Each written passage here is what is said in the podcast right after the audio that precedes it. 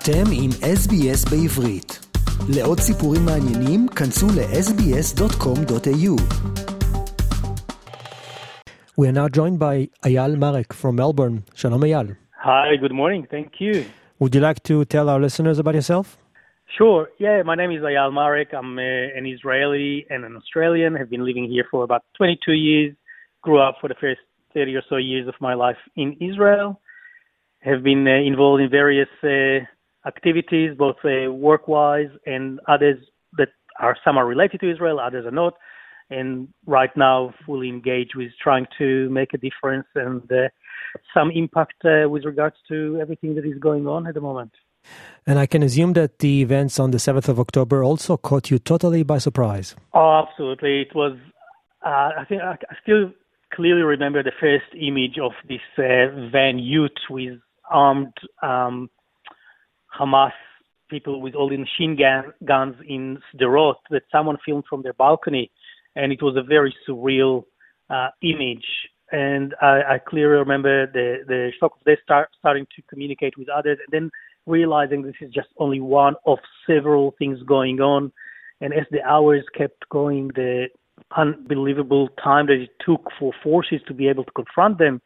Uh, we have had, you know, incidents in the past. We, you know, someone has grow, who grew up in Israel. You know, I, I grew up in a, in a hometown when I was four years old already. There were 27 school children that were slaughtered in Ma'alot. I don't know if you're familiar with that, but you know, some people would. Yes. So it's not as, as one incident. Unfortunately, it's a reality we're familiar with, but the scale and the time that it took to confront them Yeah. was something that was um, still, you know, we're still processing. Mm. Do you know any of the victims or families of victims? I I don't personally know them, but I know many people who do. You know, I think there's no one person who is not impacted by it in Israel in one way or another. Yeah. Uh, I've got sisters who live in Tel Aviv and had to go in the middle of the night to shelters, and I've got parents that are elderly living close to the Lebanese border, and everything is very tense because you know you don't know when and if uh, Hezbollah will decide to do something. So in one way or another, everybody is impacted, but physically, yes, they're all. You mentioned that your parents live near the border of Lebanon. Haven't they been evacuated? Uh, so the evacuation went until five kilometers. They're seven kilometers from the line, so they haven't. And my dad says he will not leave, but uh, you know he's a very, very determined. Where do they live? In a moshav, a moshav called Moshav Hosen. We used to live in Ma'alot. This is what I referred to before, where the massacre wa- happened in 1974. Yeah. But we moved to a moshav nearby. It's called Ma'alot. It's between uh, near Kfar Vradim and Ma'alot. Uh, very nice, leafy, you know, in, in peaceful days, green hills and uh, very peaceful piece of land. Lots of Arab neighboring uh, villages that during day to day live, co- you know, as neighbors, work together. Wow. Okay, let's go back to Melbourne. Last Monday, you organized a very creative initiative in Caulfield Park in Melbourne. Please tell us more about it.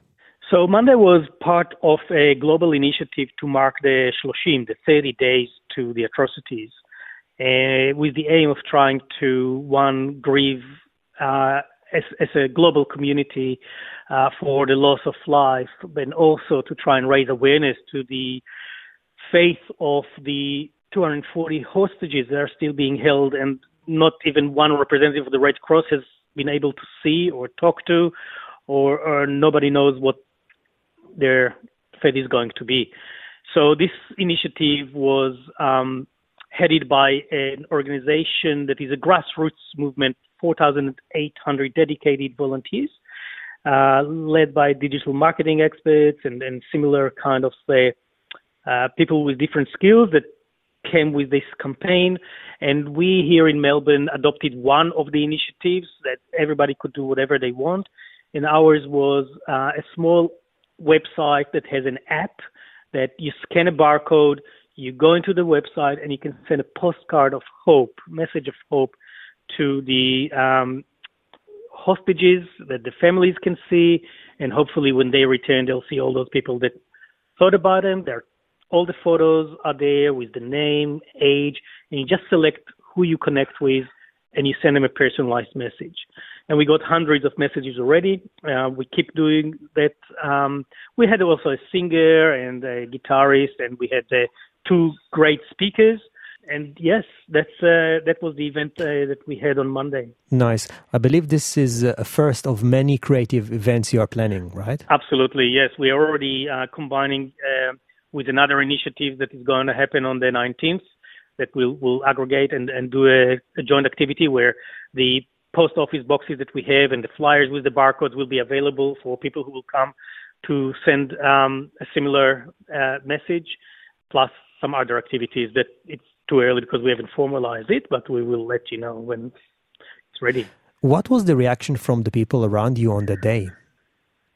It was great because people felt that they're doing something on an emotional, personal level, and that resonated with lots of members of the community.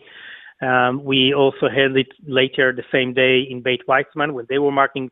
Uh, there was a community event to mark the 30th as well, the Shloshim there, with lighting candles, and uh, people who were coming into the event joined, and almost everyone wrote a, a message. It they they felt that it was touching them. You know, some people were too emotional, but um, yeah, it, it, it we, we got great feedback so far. You know, as the days go by, we see more and more members of the Jewish community who come with creative initiatives like yours. But then I'm thinking myself, shouldn't there be a roof body which gathers all these ideas and uh, then can distribute them to the wider community, like one place where people can come and share ideas? You know what I mean? Yeah, I fully fully understand uh, your point. Uh, first of all, I think everyone who initiates something should, um, you know, accept, uh, receive uh, support and acknowledgement and and well done, thumbs up. But I do agree that there is room for some coordination. Uh, there are so many initiatives. Uh, it's not such a big community. there are some initiatives to to organize and coordinate things. I've held a meeting with two of the leading organizations just a couple of weeks ago to try and reach this coordination. Uh, we are learning as we go how to do that better.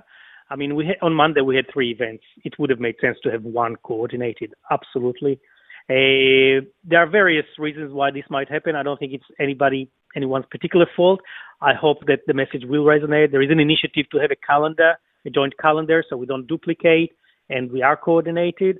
But um, there's there's more more work to do to to make sure that that happens. One topic that I mentioned before in our program is the issue we are currently facing with anti-Semitism, and I'm sure uh, we will discuss it many more times in the next coming weeks. What is your opinion on this topic? Anti-Semitism is not a new thing, and I, am not surprised by its existence necessarily. Uh, especially in times like this, we know that there is a, usually a, a rise the scale is alarming. It's not something that we should take lightly. Uh, I have been involved in initiatives that have to do with, with um, uh, anti-Semitism in universities, for example. That we have got a program that we're running through Art and organization that I'm involved with to empower students to know how to um, cope when they are being attacked. Because I don't know if you saw a recent survey before even these all this started that showed that a very that was done by ZFA and AUJS and group several groups that showed that a very high percentage, more than 50% of students hide their identity from fear of anti-Semitism in 21st century Australia.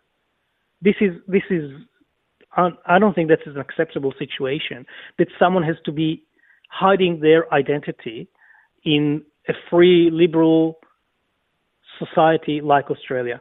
So, um, look, people need to take precaution. I don't think we. I, I, think there's also difference in the reaction of the Israeli community here in the Australian. The Israelis are more used to these kind of uh, threats and and feel more that you know we should go to Federation Square and like they did and organized on Monday, and and other places. While I think many members that um, other members of the Jewish community are a bit more reluctant, and I understand that. Mm-hmm. But I think we should not let them, you know, mm. terror us. This is what they're trying to do. Okay, Ayal, how can uh, people help with future initiatives? Uh, are you happy to share some contact details? Uh, yes, I'm happy to share. I mean, we're a grassroots uh, initiative. Uh, my name is Ayal Marek. People can contact me on 0430 356677 or on my email, Ayal Marek, A-Y-A-L-M-A-R-E-K, at gmail.com.